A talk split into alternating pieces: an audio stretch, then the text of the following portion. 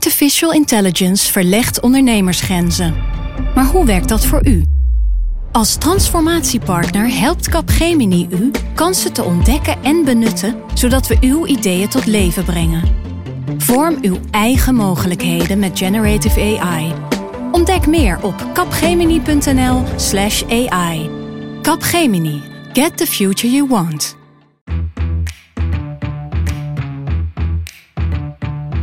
Dit is Haagse Zaken van NRC. Mijn naam is Lemia Aharwai.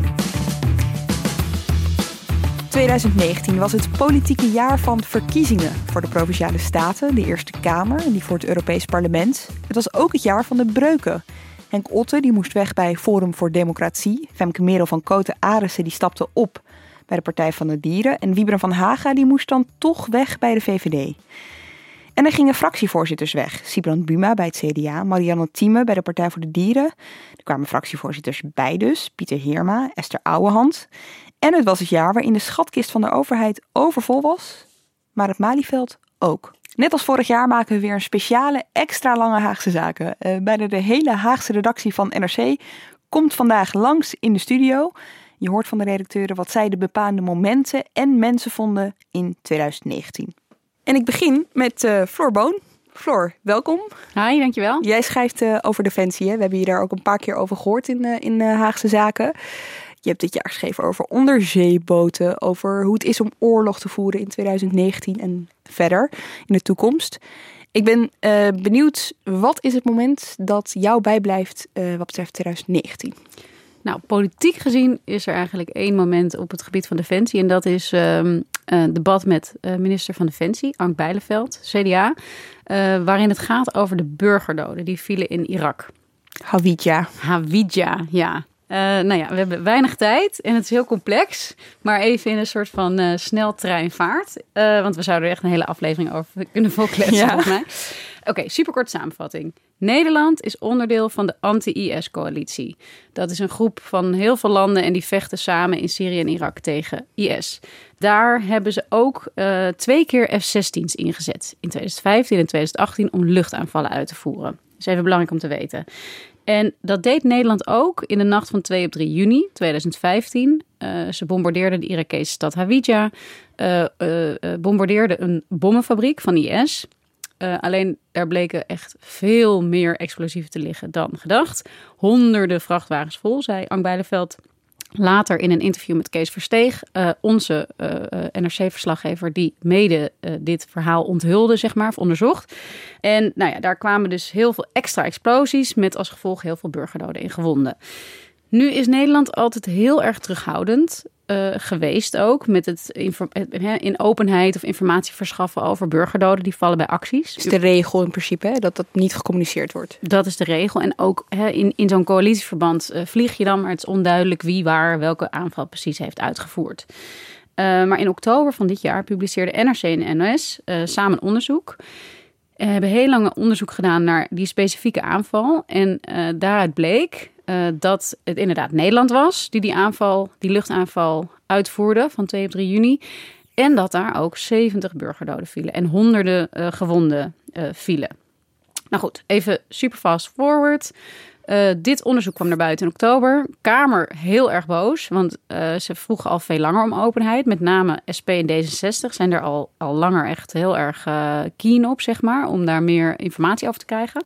Dus Kamerboos uh, en uh, Ank Bijleveld moest zich komen verantwoorden in de Tweede Kamer. Ze stuurde eerst een brief met antwoorden en daar gebeurde dit. In een brief die overigens van, van, door meerdere is ondertekend. Hè, want dat is een voortgangsrapportage. Voorzitter, misschien kan ik die vraag dan gelijk ook beantwoorden.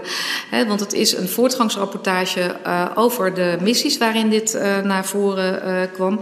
En dat is een brief die ondertekend is door de ministers van BZ, de heer Koenders, de ministers van BAOS, mevrouw Ploemen en de minister van Defensie, uh, uh, in dit geval mevrouw Hennis. Dus het is een brief die door meerdere mensen is ondertekend. Dat is denk ik wel goed om ons uh, te realiseren. Daar staat iets in wat feitelijk onjuist is.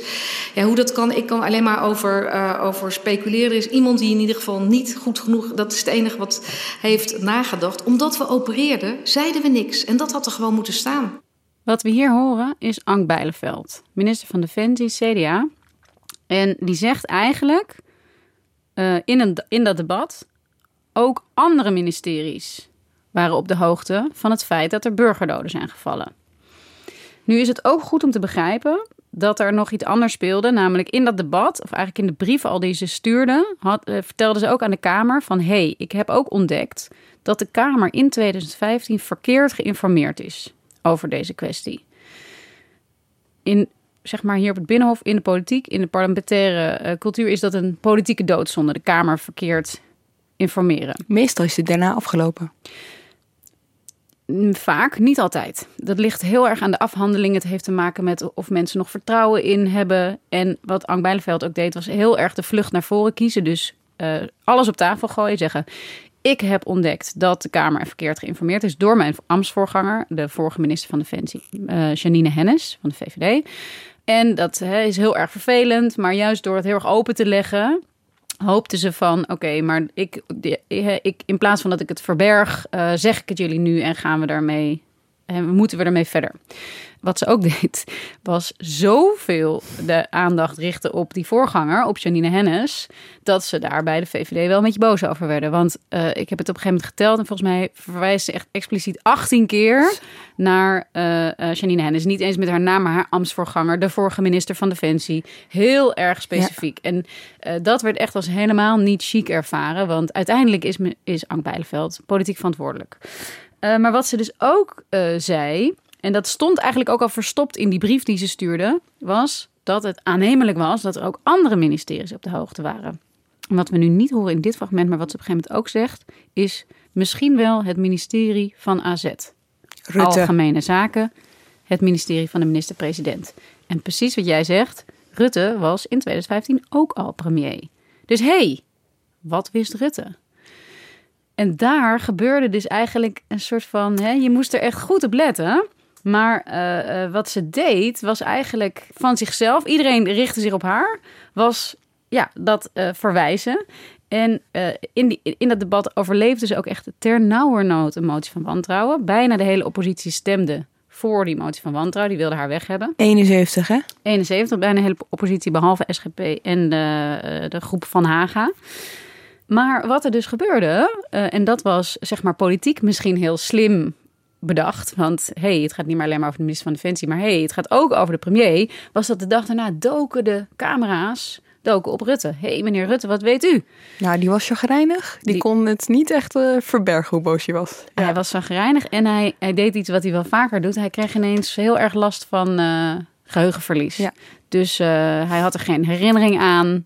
En hij, uh, hij wist niet meer precies wat er was gebeurd. Hij, zei, uh, hij ontkende niet dat hij misschien wel geïnformeerd was, maar hij, wist het in ieder geval niet meer, niet meer precies.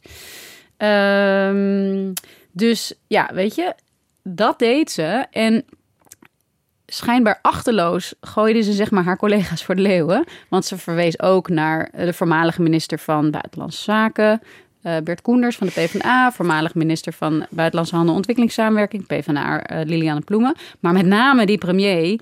En ineens ging het dus daarover. Een bliksemafleider. Uh, jij zegt schijnbaar. Ben je er al een beetje uit? Ik wil toch even met je daarmee afsluiten. Ben je er een beetje uit? Was het, was het nou inderdaad zo achterloos of was dit heel goed vooraf bedacht? Uh, ik vind het heel moeilijk om te zeggen. Dit, dit is echt een beetje koffiedik kijken. Ik kan niet. Kijk, naar buiten toe zal ze altijd voorhouden dat het niet zo was. Wat ik wel denk, is dit debat vond plaats op een dinsdag. Uh, die brief had ze op maandagavond naar de Kamer gestuurd. En op die dinsdag stond eigenlijk het reguliere begrotingsdebat gepland.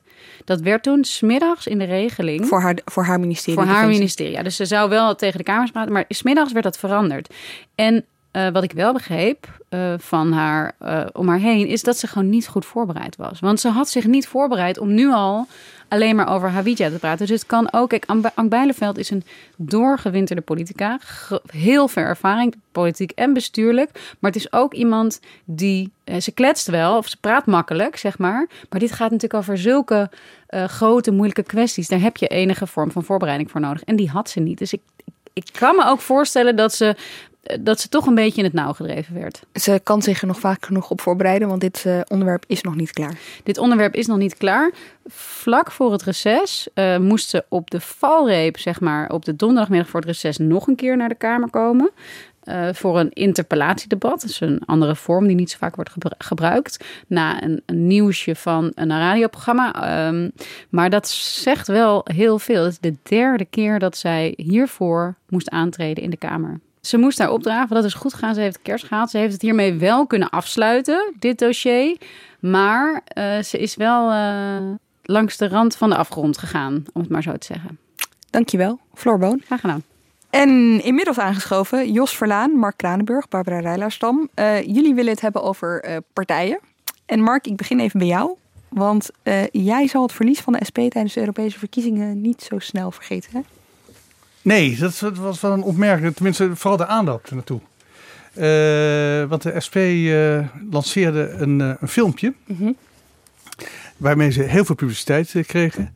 En dat was een filmpje over een zogeheten Hans Brusselmans. Dit, dit is Hans. Hans Brusselmans. Hans wil één Europese superstaat één groot en machtig Brussel. Dat heerst over heel Europa. Ja, dat is dus, uh, je ziet de Hans Brussel en dat is een uh, absolute lookalike van Frans Timmermans. Kon er niet omheen. Uh, kon je niet omheen. En nou ja, die, die, die werd er dus neergezet als de absolute eurocraat. Een, een veelvraat. Op een gegeven moment zie je hem ook aan het eind van het filmpje. Zie je hem Nederland opeten. En dan zitten allemaal in zijn baard en zo. En, eh, en ook een heel ja, een, een, een, rare move in het filmpje dat je dan. Dat hij komt dan thuis. Uh, doet zijn schoenen uit en doet zijn broek uit. En uh, dat, dat is de manier van ontspannen blijkbaar in SP-ogen. Nou, in ieder geval is het op alle manieren een, een, een raar filmpje. Maar uh, wat me dus ook opviel is, en dat is wel, wel, wel, wel typisch voor een beetje de sectarische beweging. Dat de SP gaat dus all-out tegen iemand ook uit het linkse kamp want dat was, Frans Timmermans was de leider uh, van, van de PvdA, maar ook tegelijkertijd de leider van de Europese Sociaaldemocraten. Ja. En het idee was toen met de Europese verkiezingen dat uh, degene die de meeste stemmen haalde, dat die ook uh, voorzitter van de Europese Commissie zou kunnen worden. Ik denk dat dat ook mede de reden is dat de PvdA het zo ontzettend goed heeft gedaan bij de Europese verkiezingen. Maar, nou ja, goed. Ehm, wat ik ook raar vond met het filmpje, want het was een idee van de voorzitter ehm, Ron Meijer? Uh, Meijer, die inmiddels weg is, uh, mede om deze, dit filmpje. Dat hij aanvankelijk zei, oh ja, oh, lijkt hij op Frans Timmermans? Oh, oh, dat, dat ook ontkende dan eerst. Dat, uh, dat, dat, dat, aan alle kanten fout. Toen was hij later ook nog in een, een of ander programma. Toen begon hij ja, dat, dat die Timmermans toch een, ook een verkeerde man was. Want bij Roda JC, want hij komt ook uit, uh, uit, uit Heerlen. Bij Rode JC zat uh, Timmermans altijd bij de business seats. Dat deukte ook al niet. Nou goed, de, de, kiezers hebben in ieder geval uh, niet begrepen, of juist wel heel erg begrepen. Want het resultaat van het liedje was dat. Het resultaat van het filmpje. dat de PvdA verdubbelde bij de Europese verkiezingen. En de SP is weggevaagd. En de kritiek was inderdaad fors op dat filmpje. Maar tegelijkertijd werd er ook gezegd: ja, maar de SP had gewoon helemaal geen eigen verhaal, behalve het aanvallen van een andere partij. Nee, nou ja, dat, dat, dat, dat, liet ze daarmee zien. Hè? Dat, kijk, je kent dit soort campagne-strategieën uh, ook wel uit Amerika. Hè? De, de, de, negatieve campaigning. Nou, dit was een schoolvoorbeeld ervan. Uh, want uh, ja, waar de SP nou voor stond, dat, dat wist niemand. Ja, nee. ja, te, tegen Frans Timmermans. Wat zegt dit moment voor jou? Dat de, de SP nooit echt die grote partij zal worden. Dat blijft toch altijd een beetje in de marge hangen. Jos Verlaan, jij zit ook aan tafel en uh, jij wilt hebben over een maatregel die de geschiedenis in zal gaan als hashtag rotmaatregel. Ja, dat is uh, uh, met veel gekakeel het besluit om in het kader van de stikstofproblematiek de maximumsnelheid op de snelwegen terug te brengen van 130 naar 100. En dat is met een enorme hoop eh, retoriek is dat, uh, uh, met name door de VVD is dat, is dat naar buiten gebracht. Want dat was een maatregel die ze echt absoluut niet zagen zitten. Mm -hmm. En uh, daar werd de cretologie gebruikt, met name door Tweede Kamerlid Remco Dijkstra. Dat 130 kilometer rijden, in ieder geval hard rijden op de snelweg, dat was een vorm van ultieme vrijheid. Nou, ik heb in het de afgelopen jaren toch heel wat politieke retoriek meegemaakt. En deze is in die zin niet heel bijzonder. Dat het, maar het is bijzonder vanwege als, als je je afvraagt wat wordt er nu eigenlijk gezegd. Ultieme vrijheid. Dat, daar heeft iedereen een begrip bij. Uh, Als je zwaar ziek bent geweest en je bent genezen, dat, dan kun je een moment van ultieme vrijheid ervaren. Of als je een heel slecht huwelijk hebt gehad van 30 jaar. En je doet een greep in de kassen, je gaat naar het Caribisch gebied. dat, dat, dat kan ik me voorstellen dat iemand dat als ultieme vrijheid ervaart. Maar om nou in je saap of in je wat voor auto dan ook te gaan zitten. Van hier naar Utrecht en dan 130 kilometer te rijden. En dat te ervaren als ultieme vrijheid vond ik een hele opmerkelijke en een hele bijzondere. Ja. Wat zegt het over, uh, want dit gebeurde natuurlijk in een tijd bij de VVD in een jaar waarin ze wel wat meer hebben moeten inleveren. Hè? Het kinderpardon, uh, op klimaat ook wel, hè? die CO2-heffing die, uh, die werd aangekondigd. Wat, wat, hoe past dit daarin? Het past in, denk ik in een vorm van campagne van we moeten heel veel slikken. Dus als we nu zeggen dat we een miljoen uh, opnieuw heel fors hebben geslikt, maar dat is nodig van 130 naar 100 om de werkgelegenheid in de bouw of elders te garanderen. Weet je, van minder hard rijden, maar dan heeft mijn buurman nog zijn baan. Dat is mm -hmm. ongeveer wat erachter zit. Zo is het gebracht en daar komt waarschijnlijk ook die retoriek vandaan, dacht ik in eerste instantie. Maar ik begreep later, als je echt in de dossiers gaat van, uh, van, van de VVD, dat is uh, 100 kilometer of 120 of 130 kilometer per uur. Dat is niet iets van 2012, toen men naar 130 mocht. Maar dat speelt al sinds het kabinet Den L. Dat de VVD en de socialisten kampen over hoe hard je eigenlijk mag rijden op de snelwegen. Toen de tijd was er geen snelheidsbeperking. Kon je, maar goed, ik weet niet hoe hard je toen de tijd kon rijden met een, met een DAF of een andere auto. Maar was er geen snelheidsbeperking? Nee, je mocht zo hard rijden als je wil. Uh, toen is vervolgens is er gesteggerd over 100 en na 120. Nou, in 2012 kwam die 130 als, als, als uh, verkiezingscompromis uh, tussen PvdA en de VVD naar buiten. En dat werd ook gelijk heel. Dat moest meteen na, de, na, na het regeren moest dat ook zichtbaar worden enzovoort. En het was een heel goed ding. En nu wordt dat, wordt dat speeltje afgepakt, zo lijkt het. Maar ik begrijp dus inmiddels dat het voor de VVD iets is wat al decennia lang uh, tot het profiel van, van de partij hoort. Ja, het was natuurlijk ook niet voor niks een VVD-minister die uh, in 2013 ja. al die bordjes met 130 kilometer aan de snelwegen uh, mocht. Elk, elk ander bordje wat daarna kon worden opgevangen van hier mag u 130 rijden. Dat ging ook met lintjes en taarten en tevreden automobilisten, waaronder in de eerste plaats de bewindspersonen zelf. Ja, Barbara, jij bent VVD-watcher. Yes. Um, dit is natuurlijk een, een, een voorbeeld van een maatregel die pijn doet voor de VVD, maar het is ook tegelijkertijd de zoveelste. Ja, dat klopt. Je zou kunnen denken, wanneer is de grens bereikt? Uh, bij de VVD hebben ze nu een soort mantra van het landsbelang gaat voor het partijbelang. Hè, wij nemen onze verantwoordelijkheid. Maar goed, dat heb je ook gezien uh, met de PvdA die in Rutte 2 regeerde met de VVD. Die komt daar nu met heel veel graag de steeds op terug. Uh, hè, die zeggen dat sociaal leenstelsel voor studenten was toch niet zo'n goed plan. Het afschaffen van de sociale werkplaatsen hadden we toch niet moeten doen. Die AOW-leeftijd is wel heel snel omhoog gegaan. Um, dus het kan zijn dat op een gegeven moment bij de VVD die grens bereikt wordt. Uh, en dat kan zomaar gebeuren als uh, Lelystad Airport niet doorgaat hè, in die hele klimaat- en stikstofpas. Maatregelenpakketten. Wat dat betreft wordt het volgend jaar spannend, want het dan komen heel de echte maatregelen. Ja. Nog één ding, Jos, uh, bij jou over uh, Cora van Nieuwenhuizen, want daar viel je ook iets aan op, hè? Nou, wat mij opvalt... Dat is de minister uh, van Infrastructuur. Er waren bij de VVD, toen ze hier in dit kabinet gingen, een aantal taboes. Hè. Je had het dividendtaboe, je had het, daarvoor had je het hypotheektaboe. ze gingen in dit kabinet in met rekeningrijden taboe. En 130 kilometer, dat moest juist zelfs worden uitgebreid. Terwijl heel ecologisch Nederland zich realiseerde dat, dat er maatregelen moesten komen, kwam in de begroting voor volgend jaar uh, van Koren van Nieuwenhuizen stond nog gewoon 10 miljoen euro geboekt voor verdere uitbreiding van 130 km per uur. Het gekke is dat je Koren van Nieuwenhuizen in dat dossier van rekening rijden en 130 km per uur. Rekening rijden is overvallen door haar eigen uh, top. Ze kreeg van bovenaf te horen in de ministerraad, dat gaan we doen.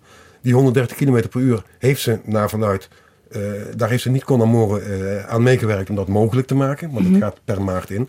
Maar dat is er min of meer afgedwongen door, uh, door minister-president Rutte. U zult zorgen dat u vanuit uw ministerie voorbereidingen treft en uitzoekt wat die 130 kilometer naar 100, wat dat in de praktijk oplevert. Heeft uiteindelijk niet gedaan. Hè? Het was het, uiteindelijk Hugo de Jonge reconstrueerde we die het echt liet ja. doorrekenen. Allemaal. Het doet ook vermoeden dat Cora van Nieuwenhuizen wel eens genoemd wordt als de kroonprins binnen de VVD voor de opvolging zichzelf, van, van, van ze Rutte. zichzelf. Ja, genoemd wordt. maar je, je, krijgt, je krijgt de indruk dat ze dat niet echt is. Barbara, even uh, jouw moment gaat ook over de VVD. Ja, Niet gek klopt. natuurlijk. Het is, Nee. jouw, het is de partij die jij volgt. Wat, uh, welk moment is het? Het moment Carolien van Rutte. Hij is natuurlijk negen jaar premier inmiddels. We kennen hem als ja, de onbetwiste debater van het Binnenhof. Hij beheerst alle trucs en, en weet ieder moeilijk debat tot een goed eind te brengen. Uh, maar toen stond hij uh, bij het slotdebat uh, bij de NOS voor de Provinciale Statenverkiezingen tegenover Lodewijk Asscher, zijn PvdA-opponent. en hij wist het ineens niet meer. Het tweede voorbeeld wat ik bij u zie is dat u in toenemende mate zegt: kijk, naast elkaar staan of tegenover elkaar staan, dat is allemaal tot je dienst. Maar uiteindelijk, ik moet even, waar was die tweede voorbeeld? Carolien? Serieus? Ben het kwijt? Zullen we het anders eerst even... ja, dit is wel een onvergetelijk momentje. Het onvergetelijk moment, want het was echt voor het eerst. Het, was, het is nog nooit voorgekomen dat hij publiekelijk een blackout kreeg. En het is ook niks voor hem, want hij is zo, wat ik net zei, zo'n behendig die beter. Ook al zou hij het vergeten zijn, hij kan daar altijd iets van maken. Wat zegt dit dan? Wat zegt dit volgens jou? Want het kwam natuurlijk ook in een, in een week waarin hij het wel erg druk ja, had. Ja, hij had het ongelooflijk druk die week. Daar heeft onze collega Petra de Koning een mooie reconstructie van gemaakt aan het einde van die week. Uh, het was natuurlijk een paar dagen voor de uh, Provinciale Statenverkiezingen de dag van de aanslag in Utrecht. Dus daar is, uh, nou ja, de premier en de minister van Justitie natuurlijk erg bij betrokken geweest. Dus Rutte had heel andere dingen aan zijn hoofd. Aan de ene kant kan je denken, oké, hij is ook onfeilbaar. Of ook niet onfeilbaar, sorry. Hij is ook maar een mens. Aan de andere kant zijn er mensen die denken, nou ja, misschien heeft hij nog geprobeerd op de laatste dag alle aandacht naar zich toe te trekken. Juist omdat je dus bijna niet kunt geloven ja. Uh, ja, dat hij dit echt zo ja, zou doen. Dat, dat, was bewust, dacht men toen. Hè? Dat ja, sommigen dachten het was bewust. Wat namelijk heel grappig was, was dat de VVD uh, de kans meteen benutte om hier een campagne-stunt van te maken. Die koos het nummer Sweet Caroline uh, als ja, opkomstnummer, weet je wel. Dus uh, uh, een dag later stond ik in Den Bosch bij de verkiezingsavond. En uh, nou ja, dan hoor je die, die deuntjes. En dan wist je, Rutte komt zo het podium op. Dat hebben ze heel slim benut. Aan de andere kant vraag ik me af of ze dat nu dus ook nog zo zouden doen. Het zegt ook iets Waarom? over de relatieve ontspannenheid die er toen nog heerste bij de VVD. Die zie je niet meer. Die, die verliezen ze ja. in ieder geval ja, ongeveer net zo rap als, als ze teruglopen in, in de zetels in de peilingen. Ik weet dat we vooral terug aan het kijken zijn in deze aflevering. Maar met jou wil ik toch eventjes een beetje voor uitkijken. Want volgend jaar is het jaar van uh, alle lijsttrekkers die zichzelf uh, al dan niet gaan outen. Uh, bij de VVD lijkt het er sterk op dat Rutte dat gaat doen. Tegelijkertijd hebben we natuurlijk Dijkhoff die zich wel erg hard aan het warmlopen was. Ja. Die toch wel wat schandaaltjes heeft meegekregen. Wat durf je, durf je te speculeren over wat daar gaat gebeuren? Ja, ik, ik kan natuurlijk echt voor en tegen noemen voor alle bij de kanten die je op wil. Maar ik durf best een een gokje te wagen. Nou? Ik denk dat Rutte uh, voor de vierde keer opgaat als lijsttrekker. Wat denk jij, Mark? Nou ja, ik heb hier al wat staan. Ja. Was zo, ik heb oh, die, die weddenschap heb ik gewonnen. Die wordt steeds uitbetaald. Dat hij dat is niet, naar, gezegd? niet naar Europa zou gaan. Nou, als je niet naar Europa gaat, hij is ook niet naar Europa. Dan, kun je dan, dan, dan, blijft hij hier. Ja, kijk, het is natuurlijk toch... Uh, met, met deze man... Uh, heeft de VVD, ja, daar hebben we uitvoerig allemaal besproken weer vandaag ook. Dat, uh, dat, dat, dat uh, hij maakt ook fouten, maar tegelijkertijd, uh, ja, ze hebben goud in handen met hem. Jos? Hij was recent bij Pauw in een heel lang vraaggesprek. Ik kan me herinneren in 2017 dat hij echt een slag om de arm hield. Of hij wel of niet opnieuw premier zou worden in 2016. Iedere keer bij de persconferenties van, na afloop van de, van de minister. Hij had het er bij Pauw over dat hij, als hij op dit moment zou moeten besluiten, hij door zou gaan. En dat hij volgend jaar uh, een moment van reflectie in acht gaat nemen rond de vraag of hij het wel of niet gaat doen. En uh, een halve verstaander uh, kan daaruit afleiden dat hij in ieder geval ernstig overweegt om door te gaan. Dat op zijn minst. Dank jullie wel. Jos Verlaan, Barbara Rijlersdam en Mark Kranenburg. En nu heb ik de rest van de dag Sweet Caroline in mijn hoofd. Sorry. en vroom vroom, hè? Volgende in de marathon, Mark Liefs Adriaanse. Jij schrijft over justitie en veiligheid. Uh, daar gebeurde in 2019 een heleboel in jouw portefeuille. Maar er is één moment waar je het in dit jaaroverzicht echt even over wil hebben. Ja, dat is de moord op advocaat Dirk Wiersum. Dat is op 18 september uh, van dit jaar. Dat was uh, de dag dat uh, de algemene politieke beschouwingen begonnen. En eigenlijk net voor de, of een uur voordat die begonnen ongeveer of zouden beginnen, kwam het nieuws dat, dat, de advocaat van kroongetuige Nabil B. in het grote proces tegen Ridouan Taki um, doodgeschoten was in Amsterdam. En dat zorgde meteen voor een hele rare sfeer, omdat alle ministers komen voor de APB dan naar, um, naar de Tweede Kamer. Behalve Grapperhaus. Dus ik zat te wachten op Grapperhaus en die, die kwam niet. En um, nou, toen bleek inderdaad dat, dat er een advocaat vermoord was. Grapperhaus, de minister van Justitie. Uh, minister van Justitie. Um, en uiteindelijk kwam hij, uh, ik geloof halverwege de middag, wel naar de Tweede Kamer. Omdat hij natuurlijk allerlei ja, dingen moest coördineren vanuit zijn ministerie. En um, hij, Grapperhaus heeft een bepaalde uitstraling. Hè, toch een, een redelijk... Uh, hij probeert sterker over te komen. Maar hij zag hier dat hij uh, ja, eigenlijk brak. Dit is een aanslag op onze rechtsstaat. De mensen die daarin werken, die zorgen voor uw en mijn democratische rechtsorde. En dat is een grens die de georganiseerde misdaad is overgegaan. Want die veiligheid van die mensen moet altijd buiten kijf staan. Dank u bent overduidelijk heel geëmotioneerd. Welke emotie overheerst? Uh, ja.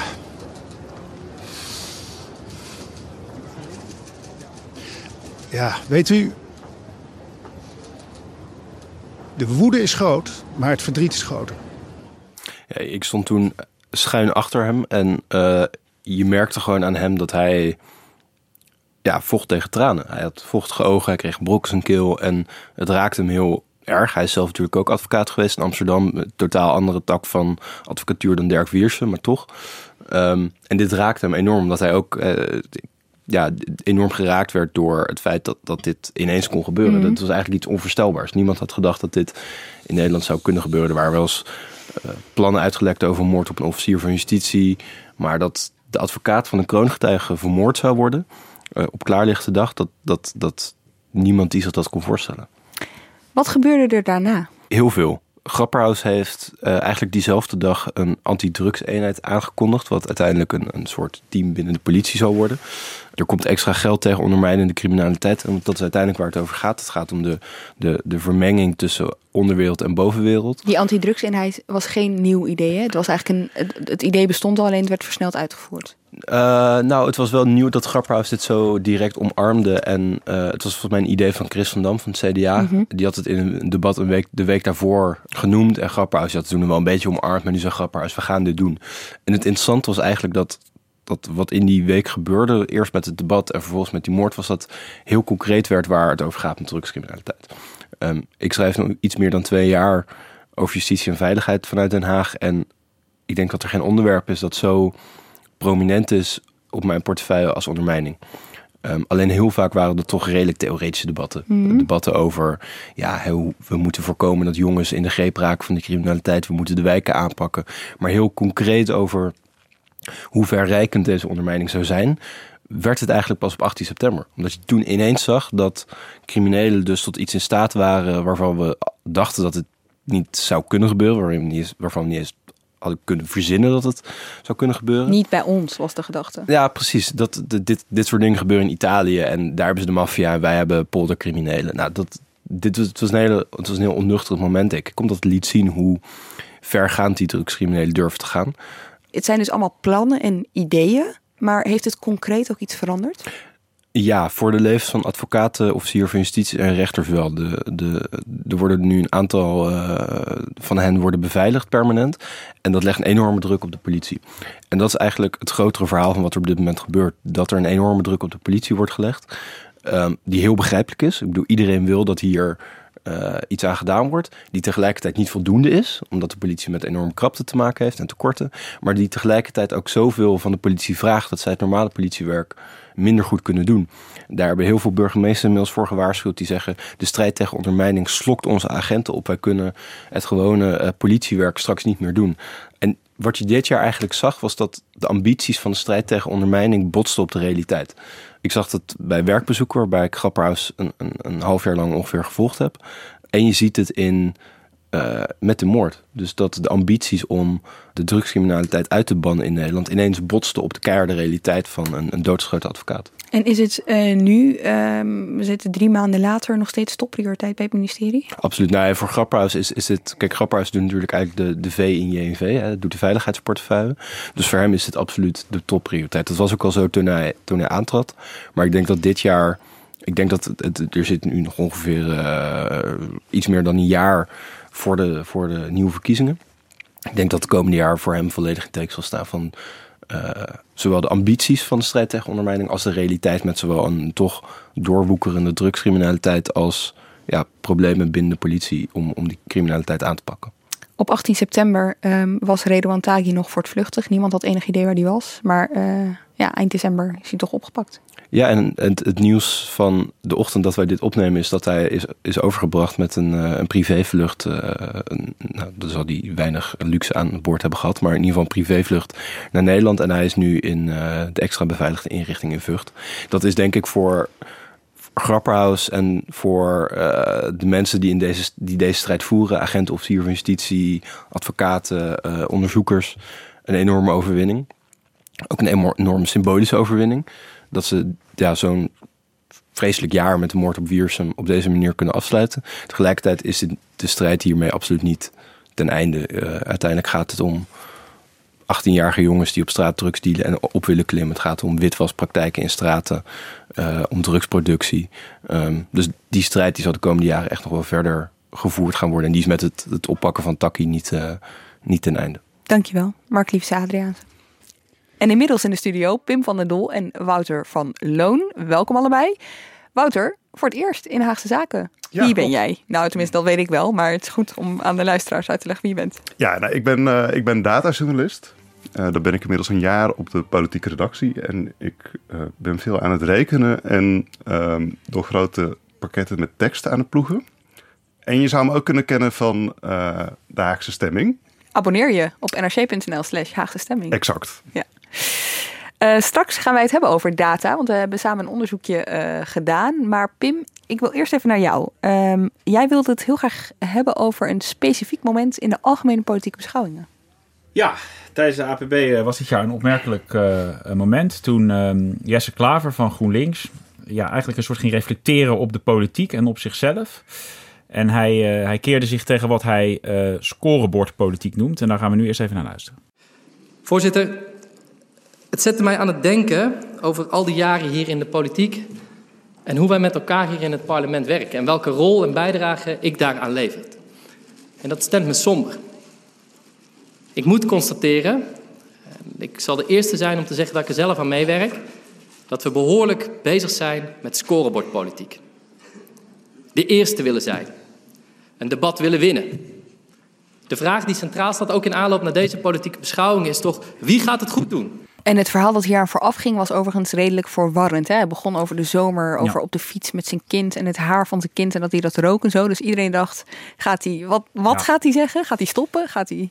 Het was eigenlijk op, om twee redenen überhaupt opmerkelijk uh, dat, dat, dat Klaver uh, dit zo deed. Um, hij kreeg het verwijt bijvoorbeeld dat hij hè, niet meer echt de politieke strijd wilde voeren. Mm -hmm. Hij kondigde bijvoorbeeld ook aan dat GroenLinks sowieso niet tegen de begrotingen zou stemmen van het kabinet. Dat, dat was blijkbaar ook een soort scorebordpolitiek. Terwijl andere partijen zeiden, ja, maar dan geef je toch ook je, je onderhandelingspositie weg als je dat al zo, zo aankondigt. En Klaver zelf stond natuurlijk bekend als iemand die, nou ja, uh, scorebordpolitiek, GroenLinks was altijd ook erg bezig met in ieder geval hè, zijn, zijn, zijn persoon, de presentatie naar buiten toe. Uh, Imagobeeld. Een, een beeld, beeld, beeldvoerder in plaats van woordvoerder. Dus nou ja, kortom, dat, om die redenen was het op zich opmerkelijk. Uh, maar hij maakte het concreet eigenlijk door te zeggen van uh, uh, de Tweede Kamer kan minder aan scorebordpolitiek doen doordat we minder snel debatten aanvragen, doordat we minder moties indienen. En jij dacht, klopt dit wel? Precies. en doordat we ook debatten van de, de lijst laten halen, de lange lijst debatten die er nog stond. Dus ik dacht, nou, het is nu, uh, nu we aan het eind van het jaar zijn, wel een mooi moment om eens even te kijken of, uh, of Klaver en ook de andere partijen een beetje minder uh, aan scorebordpolitiek op die manier uh, doen. En wat zijn uw bevindingen? nou, GroenLinks, in alle eerlijkheid, heeft woord gehouden. Um, in, in de zin dat zij bijvoorbeeld 19 plenaire debatten van de, van de lange lijst die er nog staan hebben laten schrappen. ze hebben ook minder debatten aangevraagd dan in dezelfde periode vorig jaar. Hè, dus dan heb ik september tot en met kerst vergeleken. Vorig jaar in die periode hadden ze bijvoorbeeld 35 aanvragen voor plenaire debatten en nu maar 16. Dus dat is oh. de helft minder.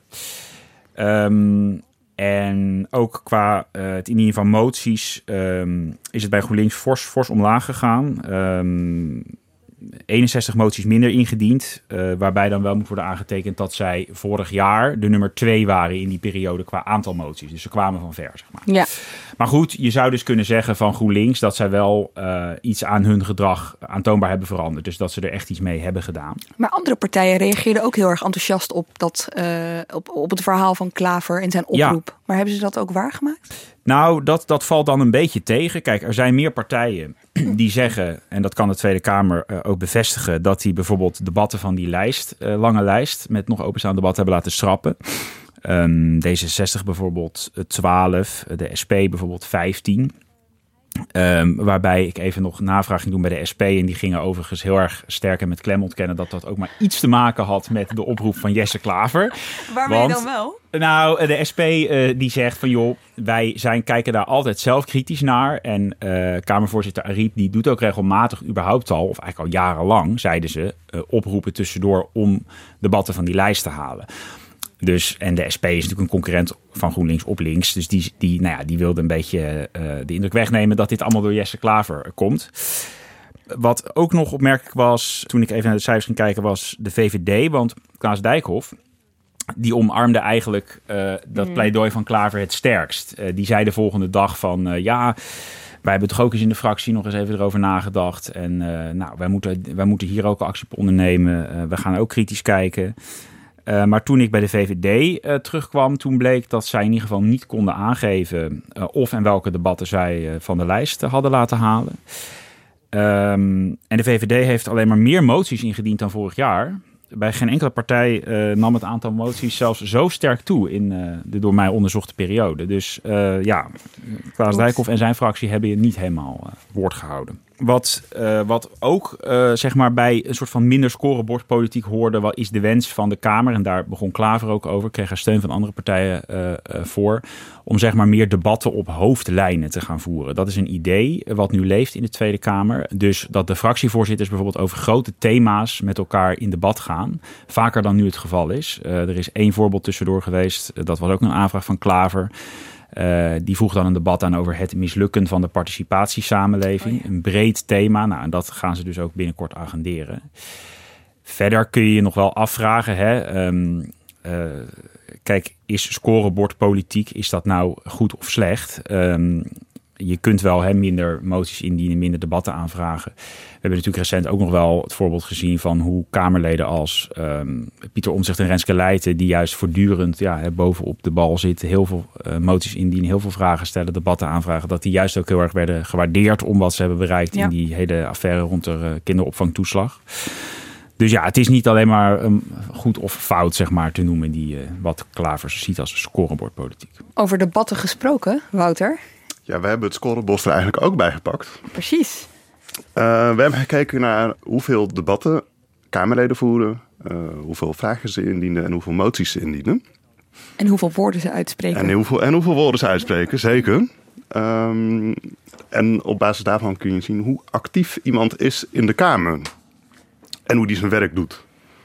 Waar ik het eerst naar benieuwd was, was wie is het minst actief? Ja, nou wie in elk geval het minst aan het woord geweest is, is uh, Gabrielle Popken van de PVV. En die heeft drie woorden uitgesproken het afgelopen jaar. Steun voor beide. Dat ging uh, heel snel, dus nog een keer, want dan kun je goed luisteren wat die drie woorden waren. Steun voor beide. Dit is, uh, we hebben gekeken naar plenaire um, debatten, maar ook commissiedebatten. Hè? Dus eigenlijk alle debatten waar een Kamerlid bij aanwezig kan zijn. Klopt, ja. Ze heeft zich uh, een paar keer laten vervangen ook door uh, uh, een collega-Kamerlid van de PVV. Um, omdat ze ziek was.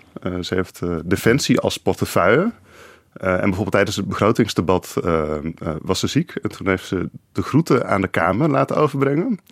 En verder heeft ze dus alleen steun voor beide gezegd. In, ja zou ik toch willen nomineren voor politieke prestatie van het jaar, deze bijdrage. het lijstje met niet zo, uh, of laat ik het zo zeggen, het lijstje met mensen die in de Kamer en in hun bijdrage in debatten wat minder actief waren, dat is wel wat langer. Hè? Er staan uh, nog wat uh, meer mensen op. Pia Dijkstra bijvoorbeeld van D66. waarbij ik het grappig vind, Pim, kijk jij even aan. Zij heeft natuurlijk ethische, medisch-ethische thema's in haar portefeuille. Die hebben wel gespeeld afgelopen jaar. Ja, zeker. Uh, nou, die thema's zijn best wel regelmatig in het nieuws. Hè. Er wordt wel in de media best wel veel over geschreven. Dan komt zij ook vaak aan het woord. Alleen er wordt in de Tweede Kamer nou eenmaal niet zo heel vaak een apart debat over medische ethiek gevoerd. Of over überhaupt over euthanasie of abortus. Dat zijn onderwerpen die leven wel sterk, maar die staan niet zo vaak apart geagendeerd. Dus dat kan dit verklaren. Ja. en Pia Dijkstra is natuurlijk ook commissievoorzitter. Dat telt mee, hè? ja. Want? Nou, als je voorzitter bent, dan spreek je niet namens je fractie of namens jezelf, maar dan zit je de commissie voor. Dus dan geef je mensen het woord of uh, uh, je neemt mensen het woord af soms ook. Uh, dus dan heb je een heel andere rol. Maar dat is natuurlijk wel. En dat is kost vrij veel tijd ook voor die Kamerleden. Tijdrovende taak. Wat ons ook opviel was dat in het lijstje niet per se heel erg praatgrage Kamerleden ook veel VVD'ers stonden. Ja, klopt. Dat heeft natuurlijk ook als oorzaak dat de VVD een grote fractie heeft. Um, en een grote fractie betekent dat je portefeuilles moet opknippen. Um, dus als we als voorbeeld nemen uh, Bas van het Woud, die heeft het Koninklijk Huis als, um, uh, als portefeuille. Ja, er wordt nu eenmaal niet zoveel over het Koninklijk Huis gedebatteerd. Dus dan kom je automatisch ook wat minder aan het woord. Ja, en dat is op zich wel grappig, want uh, iemand die dat letterlijk mee heeft gemaakt, dat is Henk Nijboer. Die staat nu in het lijstje met juist Kamerleden die veel aan het woord zijn en veel bij debatten zijn ik sprak hem ook uh, vlak voor het kerstreces. En die zegt dan ook, ja, toen wij nog met z'n 39 in de, met z'n 38 in de fractie zaten. Ja, dan uh, had ik bijvoorbeeld een, een, een deel van uh, de portefeuille belastingen die ik nu heb. dat was dan ondergeknipt onder, tussen heel veel Kamerleden. En nu zijn je portefeuilles veel groter. Als je woningmarkt hebt, dan heb je heel woningmarkt. Want ze zijn nog maar met z'n negenen over. En dat, daar zat volgens hem dan ook de verklaring in dat hij nu dus zoveel aan het woord was. Ja, nou, je ziet natuurlijk ook dat, dat kleine fracties, uh, dat de leden daarvan vaker aan het woord zijn. Bijvoorbeeld de SGP, dat is een heel actieve, uh, die hebben heel actieve Kamerleden. En je ziet ook dat bijvoorbeeld de heer Bisschop, Roelof Bisschop, uh, die doet ook de meeste debatten van alle Kamerleden. Mm. maar je ziet ook dat bijvoorbeeld Stoffen, dat is een ander Kamerlid van de uh, die staat op plek 2. Dus dat zijn hele actieve Kamerleden. Terwijl aan de andere kant, als je bijvoorbeeld kijkt naar Forum voor Democratie, Theo Hiddema doet helemaal niet zoveel debatten. En die stelde ook maar één Kamervraag uh, het afgelopen jaar. Ook nog eens mede ingediend met Thierry Baudet? Exact, ja. Dat was wel een lijstje van, uh, van 24 vragen. Maar over één onderwerp? Over één onderwerp, ja. En wat viel jou verder nog op aan alle cijfers? Um, nou, je ziet uh, um, dat grote fracties, dat dat niet per se zegt dat, uh, dat de portefeuilles heel erg gedetailleerd worden opgeknipt. je ziet bijvoorbeeld Pieter Omtzigt is veel aan het woord. En die heeft natuurlijk ook echt een gigantische portefeuille met en financiën en Europese zaken. En je ziet hetzelfde bij Renske Leijten van de, van de SP. Ja, en Steven van Wijnberg van D66, ja. die zit ook in de top. Klopt, ja. En de fractievoorzitters is dus wat dat betreft ook nog wel interessant. Hè? Uh, hoeveel debatten volgen die nou? En hebben we eigenlijk alleen gekeken naar de fractievoorzitters die niet door het jaar heen vervangen zijn geweest. Zoals Pieter Heerma bijvoorbeeld bij het CDA. Eh, dat is de vervanger van Sibrand Buma. Als je kijkt naar gewoon fractievoorzitters die het hele jaar er hebben gezeten. Dan heeft uh, Lilian Marijnissen van de SP het minst aantal woorden gesproken. Uh, en Klaas Dijkhoff, die is bij het minst aantal debatten aan het woord geweest. Dus die is maar bij zes debatten echt zelf actief aan het woord geweest. Je ziet, je ziet in het algemeen dat fractievoorzitters wat minder debatten doen, wat minder aan het woord zijn. Dus wat dat betreft is het wel interessant wat Pim net zei, dat uh, de Kamer graag wil dat uh, fractievoorzitters juist wat vaker debat op hoofdlijnen moeten gaan voeren. Um, nou, dat, hm. dat, je zou zeggen dat is nu incidenteel, dat komt niet zo vaak voor. Um, dus nou, laten we kijken hoe vaak dat het komende jaar gaat gebeuren. Het dwingt ze de Kamer in. Ja, exact. Ja. Dank jullie wel, Pim van den Dol en Wouter van Loon. Filip de Witwijnen, Guus Valk, welkom allebei. Jullie wilden het hebben over hetzelfde debat. Filip. Uh, ja, debatten eigenlijk. Want er waren twee, nee, er waren, uh, twee debatten aangekondigd deze maand uh, met Menno Snel, de staatssecretaris van ehm, Financiën van de Belastingdienst. Maar debat 2 ging niet door, omdat hij ehm, de gelegenheid van de gelegenheid gebruik maakte om zijn aftreden aan te kondigen. Ik wil het dus eigenlijk hebben over de grote affaire van het jaar, eh, de toeslagenaffaire. Er moet politiek ruimte blijven om fouten te maken. Want echt, voorzitter, Kamer, die gaan komen. En hier begint de schoen te wringen, voor mij. Ik wil echt graag politieke verantwoordelijkheid nemen. Twee weken geleden nam ik dat door te zeggen dat ik het beste met hart en ziel kon doorwerken aan het vinden van een oplossing voor de ouders. En niet uh, door uh, afstand te nemen van de problemen. Maar tegelijkertijd, als het helder wordt dat uw Kamer begint te twijfelen of ik nog wel een deel van de oplossing ben en ik niet een deel van het probleem aan het worden word, dan komt het moment dat ik mijn politieke verantwoordelijkheid op een andere manier moet inkleuren. En dat is door af te treden. En uh, daar, uh, dat moment is nu aangebroken, voorzitter. Dus vanmiddag zal ik uh, de koning verzoeken mij ontslag te verlenen. Wat zien jullie hierin, Guus? Wat, wat, wat gebeurde hier, los van een staatssecretaris die aftreedt? Nou, ik moet wel zeggen, hij was niet de eerste bewindspersoon die aftrad dit jaar. We hebben ook Mark Harbers gehad van de VVD. En als ik wel even een klein trendje mag signaleren in 2019, dan is het wel het emotieloze aftreden. Want het gebeurde beide manieren beide gebeurtenissen waren op dezelfde manier eigenlijk. Um, namelijk een, een ja, ogenschijnlijk emotieloze bewindspersoon die zegt... als het zo niet, als het zo niet mag dan, van u, dan is het klaar. Maar vervolgens draaide hij zich om en beende hij toch wel... Um, ja, een beetje opgelucht, opgelucht wel. Ja, maar ook wel, ook wel duidelijk, duidelijk makend aan de Kamer. Door geen handen meer te geven. Door niet meer ook een, een, een blik waardig te gunnen van... Ja, nou, zo hoeft het van mij niet.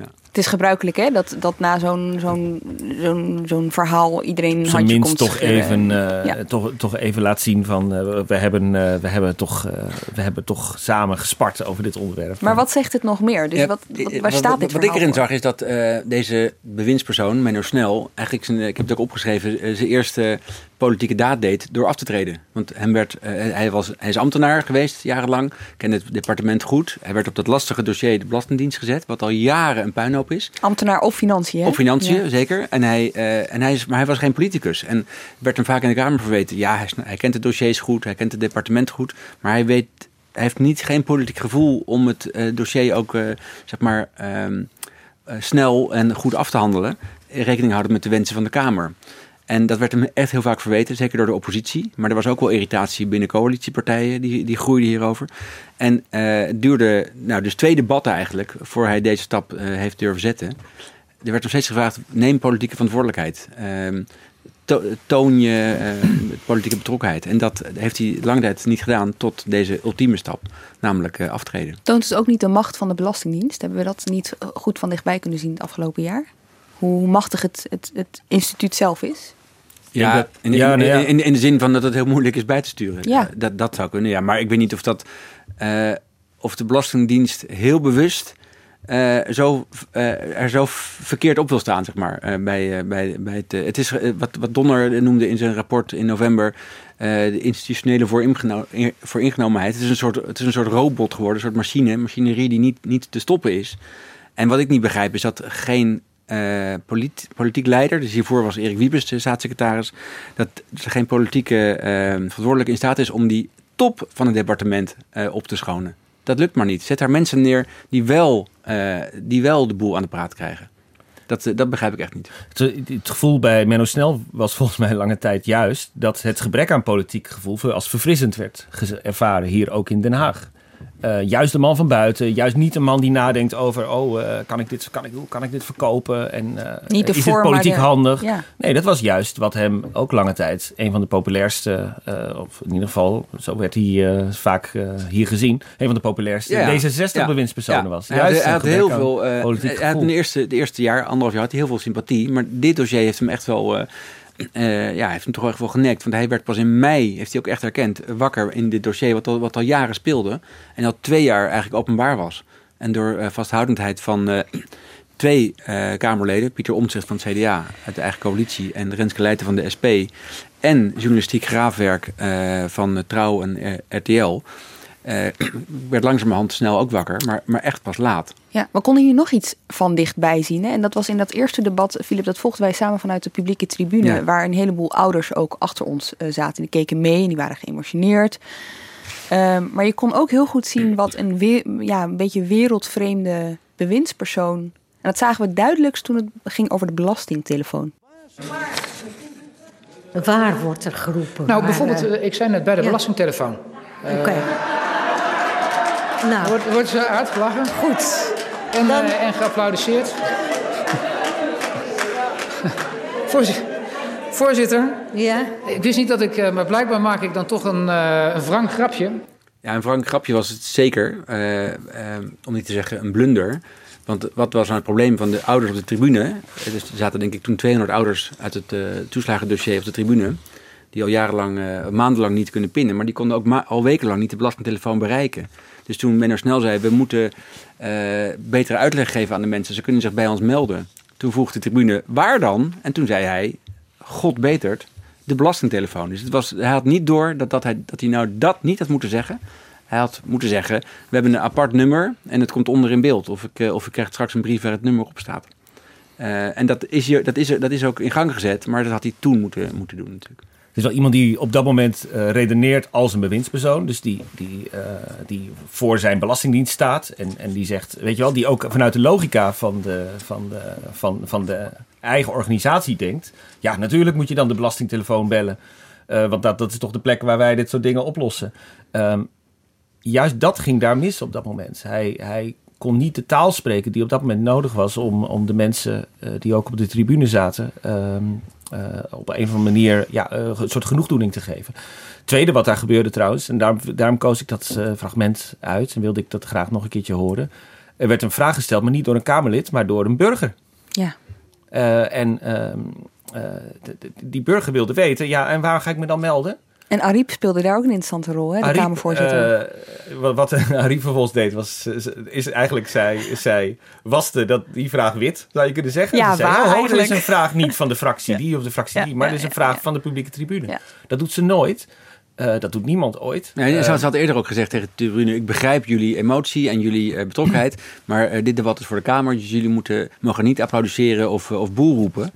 Uh, en toen ze dit deden, toen uh, heeft ze het wel toegestaan. Dat was heel interessant. Ja, dus dat was, dat was een moment dat, dat, dat de, de, de boze burger, hè, letterlijk de boze burger, dus niet als, als uh, concept hè, waar de Buma het altijd over had of, of andere. Maar nee, echt, een echte boze burger een keer een vraag mocht stellen. Dus dat was eigenlijk ook staatsrechtelijk echt een unieke situatie. En ik denk dat het goed was dat Ariep dat, dat deed, dat ze niet snel op dat moment liet wegkomen met een technocratisch antwoord. Maar dat ze zei: Ho, wacht eens even, er is een vraag niet van een politicus, maar van een burger. Ja. En als het gaat over snel hè, en de manier waarop hij dus niet doorhad wat, wat, wat voor wrangs hij eigenlijk uh, zei. Uh, is dat een incident of, of zie je het als iets wat meer dan dat is? Nou, ik denk dat je, dat je wel eh, als, als rode lijn in, in 2019 kan, kan zien dat er toch wel een grote uh, kloof is tussen, tussen wat, wat het kabinet vertelt en hoe dat vervolgens wordt uh, ontvangen in, in de samenleving. En dan heb ik het niet over Maxime Verhagen of Hans de Boer... die, uh, die in uh, oranje hesjes op het Malieveld stonden en zeiden... er wordt niet naar ons geluisterd. Maar het gaat echt over de, de, de, de kloof die er is tussen, tussen wat het kabinet doet... en hoe, hoe de samenleving dat ontvangt. En ik denk dat, dat daar een heel groot probleem aan het ontstaan is. Juist misschien wel omdat het zo goed gaat, weet je wel. Ja, daar kan ik één ding misschien nog financieel aan toevoegen. Dat was in september, uh, richting uh, Prinsjesdag heb je altijd uh, de koopkrachtplaatjes. En dan wilde ik net nog snel even aan wat financiële knopjes draaien... zodat mensen volgend jaar daarop vooruit gaan. Altijd mooie beloftes van 1 of 1,2 procent of 1,5 procent. En net voordat die nieuwe koopkrachtvoorspellingen en verbeteringen voor 2020... door het kabinet bekend werden... bleek dat de koopkracht, de feitelijke koopkrachtstijging in het vorige jaar, 2018 tegenviel. Had het CBS had het uitgerekend dat iedereen eigenlijk op nul of zelfs was achteruit gegaan. Waar ook voor dat jaar uh, koopkrachtverbeteringen waren aangekondigd destijds. Dus dat gaf ook aan, wat Guus zegt, wat hier ook wordt gezegd en beloofd en verkocht als goed nieuws. Dat wordt uh, niet gevoeld, één, en dus al lang niet meer geloofd. Nee. En de grap is dat dit kabinet in het regeerakkoord op pagina 1 is dat zo'n beetje de missie van ja. dit kabinet. Hè? Dat, dat de mensen kunnen voelen dat het beter gaat. Ze hebben er nog anderhalf jaar voor.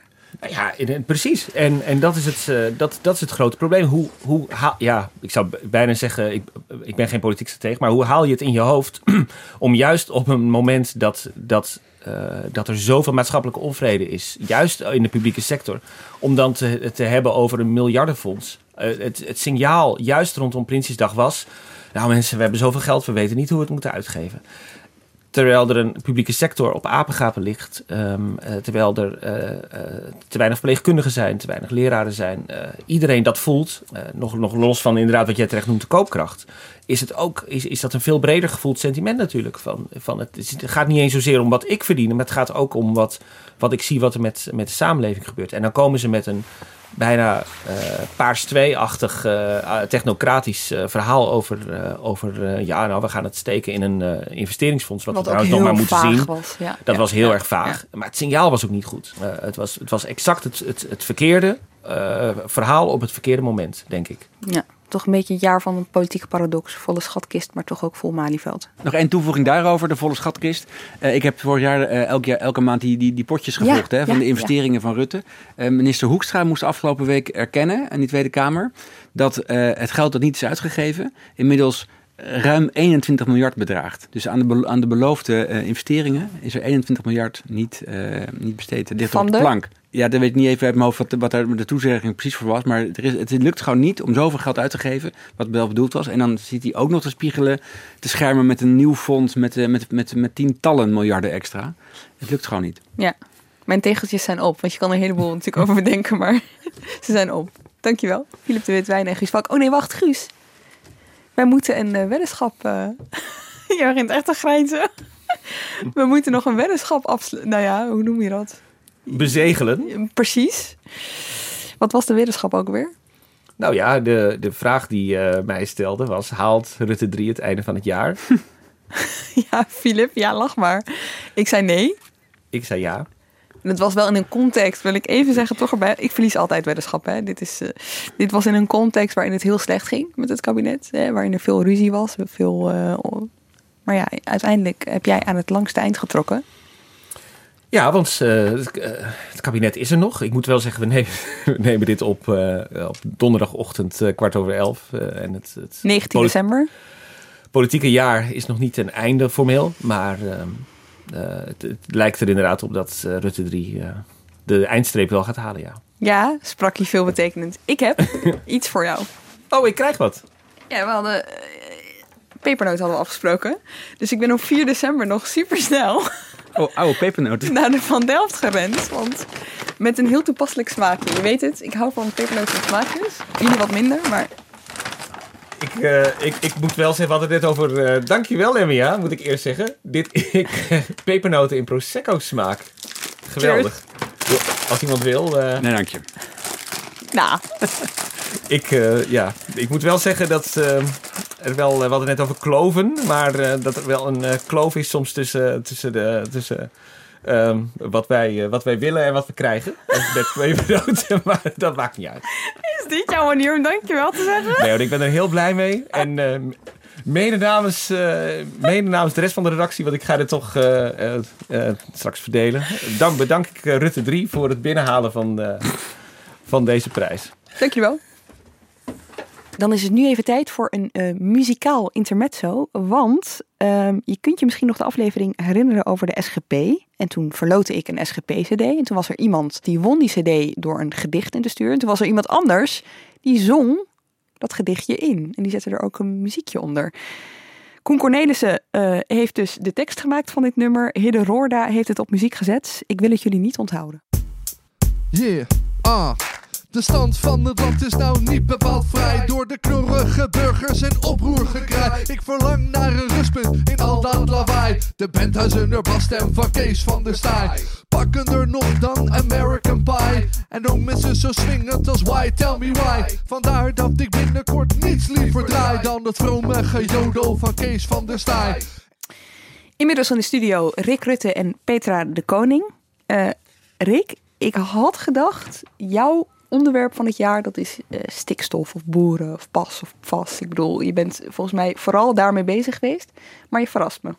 Zeker, ja, ik, ik moest er zelf ook even van, uh, van bijkomen, denk ik, naar al het, uh, het stikstofnieuws. En toen bedacht ik me, ik heb toch ook wel wat andere dingen gevolgd. En een van de interessantste dingen om te volgen was voor mij toch echt de, de opmars van, van Forum voor Democratie. Met alle drama die daarbij hoorde. Ja, waar wil je het over hebben? Ik wil het hebben over uh, de speech van Thierry Baudet. De speech van Thierry Baudet, de verkiezingsspeech op 21 maart. Maar ik wil het niet hebben over de Elf van Minerva en over onze boreale wereld. Ik wil het hebben over een ander deel van die speech. We willen met iedereen samenwerken. Dat gaan we gestalte geven in de provincies. Dat gaan we gestalte geven op nationaal niveau. En dat gaan we gestalte geven op Europees niveau. Want vrienden, wij gaan met deze partij de trots van ons land herstellen. We gaan op deze rots gaan wij onze zuil bouwen. We gaan onze democratie herstellen. En vandaag, vandaag is de eerste grote veldslag gewonnen. Dankjewel. Wat horen we hier? Ja, een goede kans dat eh, die speech duurde een minuut of twintig. En eh, een goede kans dat als je aan het luisteren was... dat je op dit moment tureluurs was van alle historische en filosofische verwijzingen. Maar wat ik hier heel interessant vind... is dat je hier eigenlijk een, een actieplan hoort van Baudet. Nou, hij heeft het over de provincies en dat hij daar wil gaan besturen. Daar is niet zo heel veel van terechtgekomen. We hebben natuurlijk ook gezien dat er überhaupt nogal wat, eh, wat chaos optrad binnen de partij. Daar gaan we zoveel meer over horen. Maar je hoort ook iemand die een zuil wil bouwen. Nou, zit er een Belgische verwijzing in. Maar het belangrijkste hier is eigenlijk dat je hoort hoe Baudet heel erg nadenkt over politiek voorbij het parlement. Politiek die zich niet alleen afspeelt in de Tweede Kamer, maar juist ook in een veel bredere beweging. En dat kon je misschien het beste zien eh, veel later in het jaar, kort geleden bij het partijcongres. Daar was Forum heel goed vertegenwoordigd, natuurlijk op het eigen congres. Maar je kon er ook naar muziek luisteren van Lange Frans. Je kon er speeches zien van mensen met internationale bestuurlijke ervaring, zoals eh, de Belgische staatssecretaris Theo Franke of eh, Piet Hoekstra, de Amerikaanse ambassadeur. En je kon daar in die hal in Barneveld, daar was het, heel even proeven van een wereld die er precies zo uitzag zoals Forum voor Democratie die zou willen inrichten. En daar zag je heel erg die zeil die Baudet daar in die speech al aankondigt. Petra, jou eh, viel iets anders op aan Forum voor Democratie. Ehm, en dat is terug te voeren tot een interview dat jij eerder dit jaar hield met Henk Otte. Ja, want op die verkiezingsavond waar Rick bij was, toen met die boreale speech, daar, was, daar heeft Henk Otte toen ook nog de mensen toegesproken. Ik weet niet of jij je dat nog herinnert. Ja. Ja, die was vol overgave aan het vertellen dat ze nu echt in de provincies gingen besturen. We zijn er klaar voor. Precies, want hij was heel geïrriteerd dat eh, Baudet het helemaal niet had gehad over de provincies. Dat hij niemand op het podium had getrokken, niemand had bedankt. Het, ging, het draaide alleen maar om hem. En ja, voor die speech van Otte was verder geen, of ik weet niet of je het speech kan noemen, maar was verder geen, geen belangstelling. Weet je, de camera's waren weg en het ging over andere dingen. Dus dat zat hem enorm hoog. Ondertussen speelde ook op de achtergrond allerlei ruzies over geld en zo, maar dat bleek pas later. Maar een paar weken na die verkiezingsavond heeft uh, Otte aan uh, Philip de Witwijnen en aan mij een interview gegeven. Waaruit bleek, weet je, hoezeer die twee van elkaar uh, verschilden en wat He, ze hebben samen die partij opgericht, maar hoe ze uit elkaar waren gelopen. En uh, nou ja, dat was al het, begin eigenlijk van uh, voor die partij een, een, hoop ellende. Ja, en het begin van het einde van Henk Otte bij Forum voor Democratie. Ja. Ja. ja. ja. Hoe kijk je nu terug op dat interview? Ja, ik heb het nog een keer goed doorgelezen. Het was wel, uh, het is wel heel interessant, vind ik, dat hij allerlei dingen aankondigt die, die, die nu ook, weet je, die die ook wel heeft waargemaakt. Behalve dan het afvallen. Hij zegt dat hij er nog 10 kilo af wil en dat, nou ja, dat is niet gelukt. Maar verder zie je, weet je, hij, hij liep vooruit op samenwerken met uh, het kabinet. Weet je, voor de verkiezingen en ook meteen na de verkiezingen had Baudet gezegd van ja, dat gaan we alleen maar doen als ze drie uh, bewindslieden ontslaan, als ze, weet je, allerlei eisen stelde die. En al in dat interview, dus een paar weken na de verkiezingen, zei Otto, nou ja, die eisen, weet je, uh, we gaan het case by case bekijken. En uh, als het past bij ons verkiezingsprogramma, gaan we gewoon samenwerken met het kabinet. Dus dat was al een hele grote stap waarin die afstand nam van Baudet. Maar ja, weet je, er waren in de loop van het interview gewoon heel veel dingen waaruit bleek dat hij, uh, dat hij het helemaal niet meer zag zitten met Baudet. Ja, want hij zit nu in de Senaat, Henk Otte. En wat zagen we vlak voor het kerstreces? Henk Otte als de man die het kabinet uit de brand hielp. Het Ottepaardje. En uh, daar hoefde hij niets voor terug, zei hij zelfs nog. Om uh, het kabinet uit de brand te helpen in de stikstofcrisis. Nou ja, als je op die foto's behalve kreeg die dan, achteraf gemaakt werden. Behalve dan een mooie fotoshoot. Ja. Zodat er een speciale fotograaf voor geregeld op het torentje. Speciaal voor Otte? Er was, er was een fotograaf bij om het allemaal vast te leggen. Ja, en uh, ja. zo stond hij daar op de foto met de premier, met de minister van Financiën. En uh, zo kon je eindelijk eigenlijk Henk Otte zien. En uh, ging het een keer niet over Baudet. Dat was natuurlijk waar hij altijd tijd op hoopte. Ja. ja, en wat hij ook al in het interview toen met Philippe en mij zei. Weet je, van, het moet nu eens een keer over andere mensen gaan dan over uh, Baudet. Het moet ook over Henk Otte gaan. En, weet je, dat, en, en over al die andere mensen die de partij dragen. Ja, we hebben jullie hebben ook wel, ik, ik vind het nog steeds fantastisch dat jullie zo gelijk hebben gekregen met die meest profetische zin ooit in dat interview. Dat begint met, uh, we gaan Henk Otte de komende tijd vaker zien, zegt Henk Otte. Daar heeft hij gelijk in gekregen. Ja, dat is absoluut waar, ja. In de zomer hebben we een hele uh, uitgebreide aflevering gemaakt over hoe dat interview tot stand kwam en zo. Ik wil het nu hebben over wat Henk Otte daarna heeft gedaan. Want hij, is wel, hij heeft dus zijn eigen partij is hij gestart in de Senaat. Hij heeft twee mensen zover gekregen om met hem mee te gaan, hè? Ja, Jeroen de Vries en Dorien Rookmaker. Ja. Wat, wat weten we tot nu toe over die partij? Want ze zijn nu een tijdje bezig. Valt er al iets over te zeggen? Ja, ik denk dat jij dat wat beter nog gevolgd hebt dan ik. Maar het is gewoon een, een klassiek rechtse partij, hè? Ja, het is, het is een klassiek rechtse partij. En wat je heel erg merkt is... Uh, als je Henk Otten erover hoort spreken... hij begint nu af en toe weer eens een, uh, een speech ergens te geven... voor uh, wat jonge liberalen of, of, wat dan ook. En dan merk je dat wat er is, is... er is nog weinig inhoud. Het is vooral heel erg het idee... we gaan weer de politiek vernieuwen. We gaan doen wat ik ooit met Forum had willen doen... Dus er zit nog steeds een soort brandende ambitie in bij, bij Otten. Maar waar hij die nou precies op wil richten, dat is nog niet, niet echt heel duidelijk. De, de, je kan nu nog niet echt zien waar deze partij zich mee gaat onderscheiden van een andere partij. En ze hebben nog niemand die de kar gaat trekken. Want Henk Otten heeft zelf ook wel door dat hij niet de charismatische lijsttrekker is die uh, 20 zetels gaat scoren bij hij wil de Kamerverkiezingen. met de Kamerverkiezingen. Hij wil meedoen, 2021. maar hij wil dat dus niet zelf gaan leiden. En waar zou je hem plaatsen in het politiek spectrum? Is dat dan tussen de VVD en Forum in of zo? Moet, moet ik het zo zien? Het, het zit in die hoek. En uh, ja, wat Otte zou zeggen is dat hij dus... Hij kijkt heel erg naar dat politieke vernieuwingsaspect. En dan zegt hij, wij doen wat Forum had willen doen. Je zou ook kunnen zeggen, inhoudelijk zit hij bij de wat meer rechtse lijn... van wat de VVD op bepaalde momenten heeft voorgestaan... en waar bepaalde VVD'ers heel erg achter staan.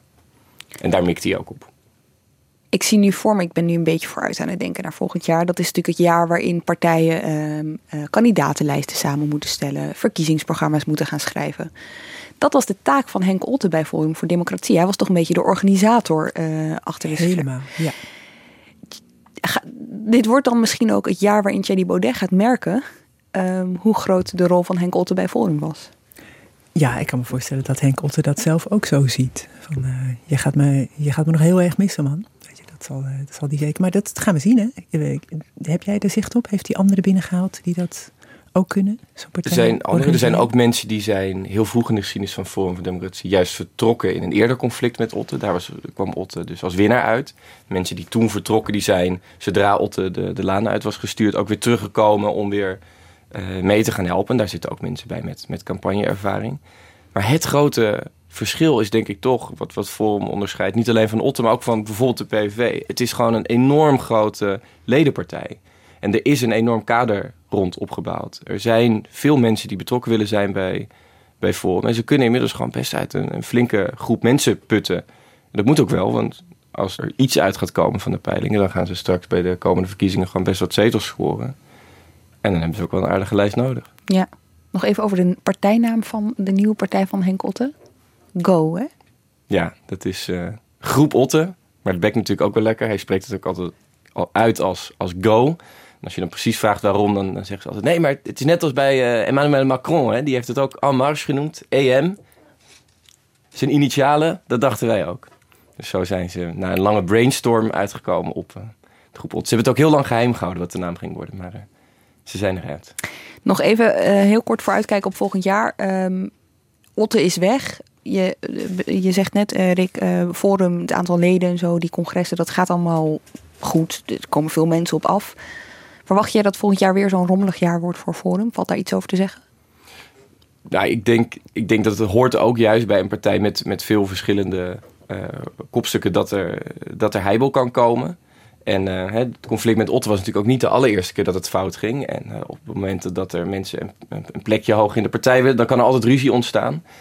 Maar je zou ook kunnen zeggen, het wordt gewoon meer een normale partij. En andere partijen hebben ook ruzie om wie de, de partij mag leiden. En uh, dat soort. Als er een verschil is met het grommel van dit jaar, is dat je minder snel zult zien dat het echt op de amateuristische manier zou gaan waarop het soms ging. Dus Henk Otte die uh, al het cashgeld meenam en dan naar eigen zeggen weer cash uitgaf. En volgens de rest van de partij helemaal niet uitgaf, maar in zijn eigen zak stak. Nou ja, goed.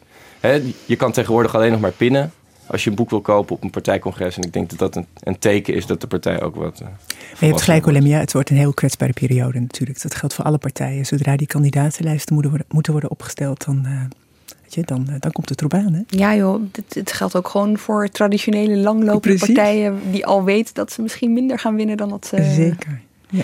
Dank jullie wel, Peter de Koning en Rick Rutte. Inmiddels is aangeschoven Claudia Kammer. Claudia, waar wil jij het over hebben? Over de vrouwen. Wat mij betreft is uh, 2019 het jaar van de vrouwen in uh, politiek Den Haag. En waarom? Um, omdat er uh, een aantal grote gebeurtenissen waren die te maken hadden met vrouwen. En uh, ik heb een fragment uitgezocht uh, dat denk ik illustratief is voor de sfeer momenteel in, uh, onder de vrouwen in Politiek Den Haag. Oké, dan ga ik naar de heer Van Dam namens het CDA. Ja, voorzitter, ik heb lang geleden afgeleerd dat als twee vrouwen van mening verschillen, dat ik daar als man Nee. dan, eh, mij helemaal in moet mengen. Dit is echt meneer Van Dam. meneer Van Dam. Ik richt mij. Nee, meneer Van Dam, daar gaat u niet zomaar eh, makkelijk me- mee weg. Hoezo twee vrouwen? Hoe vaak heb ik met u een discussie? Of met de heer Azarkan? Wat is dit voor een opmerking? Neem het terug. Neem het terug. Voorzitter, ik heb u zo hoog dat alles wat ik zeg met een intentie die misschien een andere was, wat u beroert, dat ik dat terugneem. Nou, dat goed. Ik denk dat Chris van Dam dit moment ook onvergetelijk vindt. Ja, dat was een, mo- een moment wat ook veel op social media natuurlijk terug eh, te, te zien en te horen was. En ik denk dat het veel zegt, omdat eh, het aangeeft dat er eh, momenteel een, je kunt wel zeggen, een nieuwe feministische golf eh, ook in de politiek aan de gang is. Die is in, overal te merken, en zeker sinds eh, de MeToo-beweging. Maar eh, hier in Den Haag was die ook heel erg te merken. En waar zie je dat dan bijvoorbeeld aan? Want zo'n fragment zegt iets, maar zie je het, zie je het in meer? Ja, kijk, dit fragment dit dateert van 9 april. En precies een maand later eh, werd er hier in Den Haag gevierd dat vrouwen 100 jaar geleden actief kiesrecht kregen. En het werd niet alleen in Den Haag gevierd, maar ook in Groningen. Ehm, we hebben zelf een ehm, toneelstuk eh, laten opvoeren. We hebben de debat over het kiesrecht hebben we opnieuw eh, eh, laten spelen door poli- politici, vrouwelijke politici.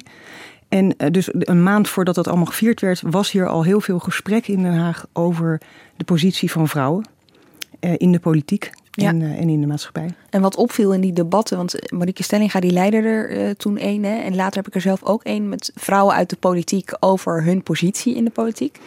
Hoe eh, openhartig ze daarover waren. Hè? Dat ze inderdaad toegaven, je moet harder je best doen. eh, wij moeten wat vaker onszelf ook naar voren schuiven. Hoe komt het dat wij niet, weet je, dat we zo weinig vrouwelijke fractievoorzitters zijn. Of dat vrouwen zo ondervertegenwoordigd zijn in de Kamer.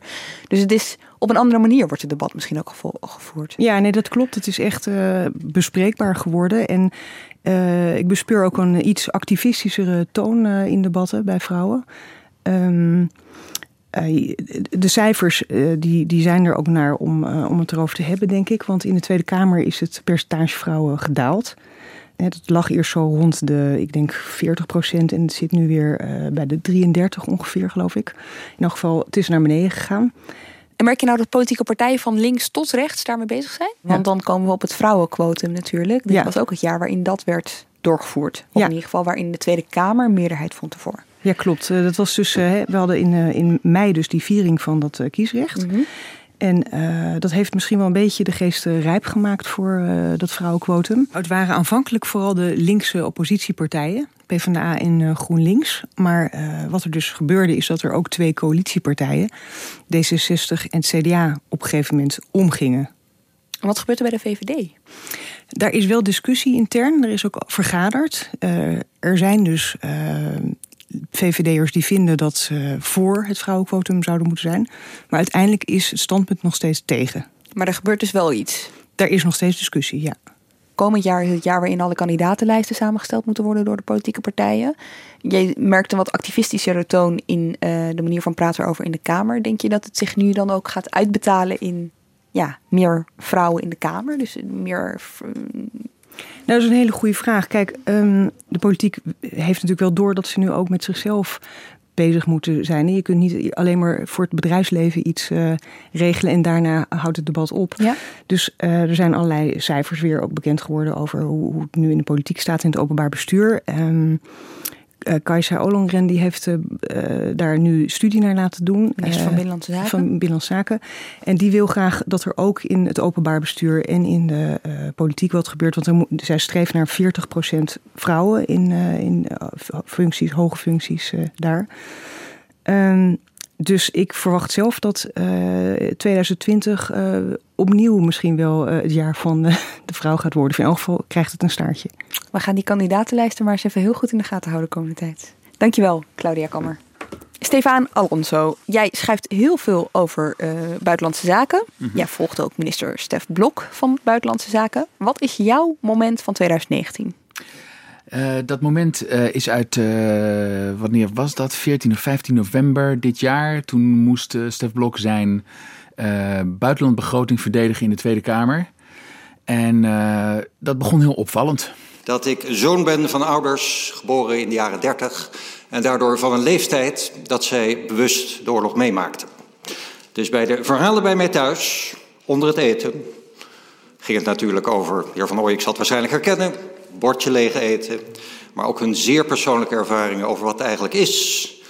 Als er een bombardement boven je hoofd is en je onder de tafel zit en hoopt dat het niet op jouw hoofd komt. Hoe het was om gevangen te zitten in een jappenkamp. Hoe het was om beschoten te worden. Hoe het was om bevrijd te worden.